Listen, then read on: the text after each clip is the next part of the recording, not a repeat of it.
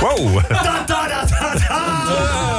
Oh, dan kreeg nog even iemand een klap in zijn gezicht hier. Peter Heerschop, goedemorgen. Ja, ik wil, daar, ik wil dat ondersteunen met wat armgebaren. Ja.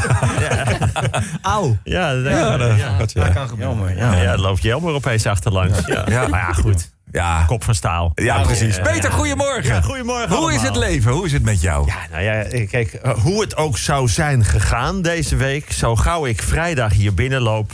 Ja. Ja, dan, dan, dan schijnt de zon. Wederzijds. Wat vind je van mijn kapsel? Ja, nou, ik had er meer van verwacht. Het zit goed hoor. We hebben het er lang over gehad vorige week namelijk. Vorige week hebben we eh, eh, Frank Sau naar de kapper gaan. Ja. En daar hebben we allemaal adviezen voor gegeven. En Ja. jij was bereid om het eens eventjes radicaal te veranderen. En jij hebt toen iets gezegd over de groep. Wat, eh, wat pittig is, maar waar je wel denk ik een punt had. Ja, eh, je zei luister in ieder geval niet naar je Ze collega's. zijn eh, extreem conservatief in kapsels. Ja, en daar heb je wel helemaal... Ik zat even een rondje te kijken, inderdaad, dat is wel helemaal waar, ja. Maar ben je tevreden? Ik ben wel tevreden, maar ik had er, ik had het, eh, ik had er meer van verwacht. Ik had het eh, korter gedacht. Ja. Ik had er meer kleur in verwacht. Ik Ja. had er, een, eh, ik had er eh, bepaalde figuurtjes in verwacht. Zo'n bliksem in de, boven mijn Zo'n ba- bam erin. Ja, ja. Maar, maar Frank, dit is hartstikke goed. Maar Ja, voor iemand met zo'n extravagante levensstijl is het inderdaad een wat simpel kapsel, vind je niet? Nou, hebben we het toch over dezelfde? Nee. De extravagante Frank. Ja, ja, dat heb je echt nog nooit iemand over zeggen. Nee. nee, nee, dat is dat van. Nee, en ik had ook een, eh, ik, ik had een, een, een leuke week, maar ook. Ja, het, het zaten ook allerlei dingen tegen. Maar ja, dat is dan ook wel weer goed, weet je. Gisteren moest ik heel vroeg in Rotterdam zijn. Kwart, voor, kwart over zes in de auto. Zo. Gebeurt niks, start die niet. Helemaal dood. Echt, gebeurt helemaal niks. Dat is ook raar. Dat is je- echt dat heel je gek, s'avonds ja. thuis komt Ja. en jij denkt, wat heb ik toch een lekkere Nou, auto. en wat ben je En- toch extreem teleurgesteld altijd als je auto het niet doet? Ik denk dat, wat heb ik jou misdaan? Ja, maar helemaal gewoon echt niks. Ja. Ook niet, eh, eh, nou ja, dan eh, weet je, dan, iedereen zegt dan ja, is accu iedereen. Nou, er was niemand wakker natuurlijk. Dus Nee, ja. ga maar eens iemand wakker bellen met startkabels. Nou, die waren er niet. Nee. Nou, daar snel met, een- met een Uber van Amsterdam naar Ro- Rotterdam. Wat Zo, denk- denk je zo. dat, dat dat kost? Dat kost, dat kost, wel, 100, dat kost wel 150 euro, denk ik. Ja, nou, dat, dan valt mee. 117 euro. Oh, ja. Dat ja, vind ik wel, dit, dit is wel een ritje, hoor. Ja, maar het is, het is ook wel een... En, de hele, hele dan terug ook natuurlijk. Super, eh, Ja. Terug kon ik met iemand meerijden. Ah. En die vroeg nog iets meer. Zullen we gaan doen? Ja, daar gaan we hoor. Lieve Marianne, lieve Marieke, beste Badder, beste Mark. Maandag 4 november. Zuid-Afrika heeft de wereldtitel rugby gewonnen. Dat is voor het land meer dan een wereldtitel in een sport. Het betekent voor Zuid-Afrika dat het na een week van feesten... weer een tijdje meer rust op straat heeft komende maanden. Want het is een puinhoop in Zuid-Afrika. Het volk is intens verdeeld.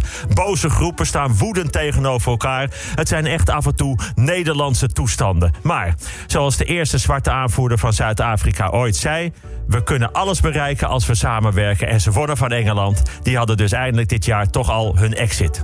De onderwijsstaking van aanstaande woensdag gaat gewoon door. Vrijdag hadden de bonden de staking nog afgeblazen. Want er was door minister Slop een bedrag van 460 miljoen toegezegd. Maar daar waren de bonden wel blij over. Het grootste deel van het onderwijs was woedend. Want het was een eenmalig bedrag. En dan zit je als het geld op is weer met precies dezelfde situatie. Het is alsof je thuis tegen je vrouw zegt... oké schat, ik ga alles veranderen. Ik beloof je, komend jaar ga ik niet meer vreemd.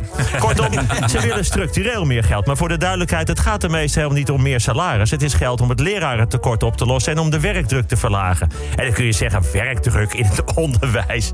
Ze hebben altijd vakantie. Ja, doei. Dat zeggen mensen die tijdens hun vakantie al helemaal kapot zijn... na drie weken met hun eigen twee kinderen. Onderwijs wordt steeds zwaarder, vooral in moeilijke buurten. Vroeger was het nog gooien met papieren vliegtuigjes. Tegenwoordig is dat ook met messen en werpsterren. Ik heb wel eens een briefje bij de juf op de rug geplakt. Tegenwoordig wordt zo'n briefje met een vleesmes vastgezet. Vorige week is er nog een ex-collega van me, een gymleraar in Deventer... na het achtste uur door vier HAVO met een stok door zijn mouwen... van zijn trainingsjack in de ringen gehezen... zijn broek uitgetrokken en naar het plafond getakeld. Die heeft als een soort kruising tussen Jury van Gelder en Pinocchio... daar tot de volgende ochtend gehangen... voordat hij bevrijd werd door de conciërge. En stadionkoren bij voetbal zijn misschien kwetsend... maar dat is kinderspel vergeleken bij wat er op school wordt gezongen... bij een beetje onzekere docent. Ik bedoel, ik weet niet wat Leeuw Kleine tegen Anouk heeft gezegd. Maar in dit soort klassen gaat het echt wel iets verder dan leraar Engels, moeder is een hoer of teken homo seropositief. Je kan maar beter geen ziek kind hebben of een heel licht spraakgebrek, want je zit binnen twee weken thuis te trillen met een knuffelbeer op schoot.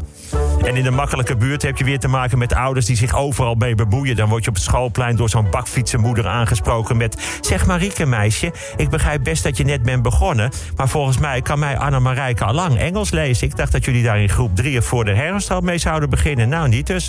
Ik zou heel graag iedere week een overzicht willen krijgen op de mail... wat er allemaal is gedaan in de klas. En hoe bedoel je dat ik het een beetje moet loslaten? Ja hoor, dan moet ik als betrokken moeder mijn bloedeigen dochter loslaten... voor iemand van 23 zonder eigen kinderen met een pabo-papiertje met een aantekening boetseren. Nou goed, ik loop nu even mee naar binnen voor een paar oefencito's... en dan wens ik je nog een hele fijne dag. Snappen jullie? Het gaat niet om het geld. Het gaat om een maatschappelijk probleem op te lossen via het onderwijs. Daarom sta ik achter de stakers. Dinsdag 5 november. Vorige week was er veel nieuws over PFAS, een giftige stof. De bouw ligt stil omdat ze geen grond mogen verplaatsen... als er meer dan 0,1 microgram PFAS per kilo in de grond zit. Maar wat blijkt? In ons bloed zit nu al veel meer PFAS dan in de grond. PFAS zit namelijk overal op en in. Het zit bijvoorbeeld op je regenjas. Raak je jas aan en lik aan je vinger en je krijgt het binnen. En het rare is, juist omdat ik weet dat het gevaarlijk is... had ik gelijk enorm veel zin om aan een regenjas te gaan likken. en dat heb ik ook gedaan. Nou, dat gaf inderdaad problemen. Maar dat had meer te maken met de vrouw die de jas aan had. en haar vriend Badder die ernaast stond. Voor gezondheidswinst maakt het niet veel uit of je meerdere keren per week uren rent of eens per week een klein uurtje. Een slome weekendjogger is net zo gezond als de meest fanatieke hardloper. Snap je? Het hoeft allemaal niet zo hard, het moet lekker. En dat is een zin die de meeste mannen thuis ook regel... Nou, maar daar gaat het ook helemaal niet om. Je hoeft rennend in het bos niet kotsend over een denkbeeldige streep te komen. Je hoeft met je oude mannen fietsclub niet vloekend twee oude vrouwtjes van het fietspad te duwen... omdat ze jouw gemiddelde snelheid met 1 km per uur naar beneden halen. Relax, geniet. Dan zie je misschien nog iets, iets om je heen. Woensdag 6 november, ja mensen, het was een bizarre wedstrijd tussen Chelsea en Ajax. Een Shakespeareaans drama op gras. Na vijf minuten was het al 1-1 door een eigen doelpunt en een penalty. Ik zat op het puntje van mijn stoel. Het tempo ging nog meer omhoog, snelle uitvallen, heerlijke tikkie-takkies, paar gele kaarten erbij. Smullen. Maar na rust ging het bijna mis voor de wedstrijd, want Ajax kwam op 4-1. Ja, dan is het eigenlijk al beslist. Gelukkig kwam Chelsea op 4-2 met een buitenspelgoal, maar de spanning was er toch al een beetje af. Maar toen kwam kwam de geniale ingeving van de Italiaanse scheidsrechter Rocky. Binnen 20 seconden twee rode kaarten voor Ajax en een strafschop tegen. Het was hilarisch. Chelsea kwam op 4-3, op 4-4, zelfs op 5-4. Maar dat was weer te veel voor de VAR, dus dan was het weer 4-4. Ajax met 9 man nog een kans. Onana pakt twee onmogelijke ballen. wedstrijd had 10 minuten stilgelegen. De extra tijd was maar 4 minuten. Wat heerlijk, man, man, wat een wedstrijd. Jammer daarom, zo hoorde ik van Diederik Smit... dat Chelsea de volgende wedstrijd niet meer meer zijn eigen scheidsrechter mee mag nemen. Donderdag 7 november.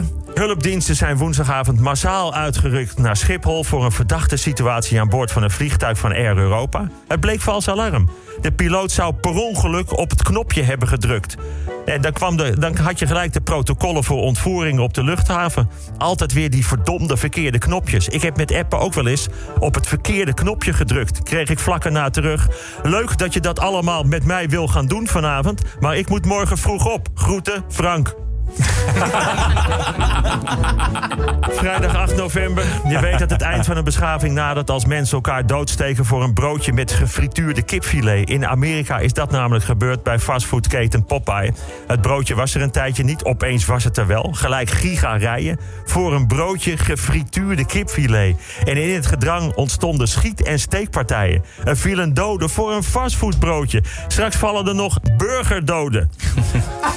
nou, dat is al gebeurd. 70 namelijk door een Nederlandse aanval in Noord-Irak. Foutje, tragisch foutje. In die tijd de verantwoordelijke minister Hennis heeft er keihard over gelogen in de Kamer. Minister Rutte zegt dat minister Hennis het waarschijnlijk wel heeft verteld aan hem, maar dat kan hij verder niet herinneren. Nee, natuurlijk niet. Nee, dat zijn van die dingetjes tussendoor. Ja, 70 doden, dat vergeet je ook natuurlijk.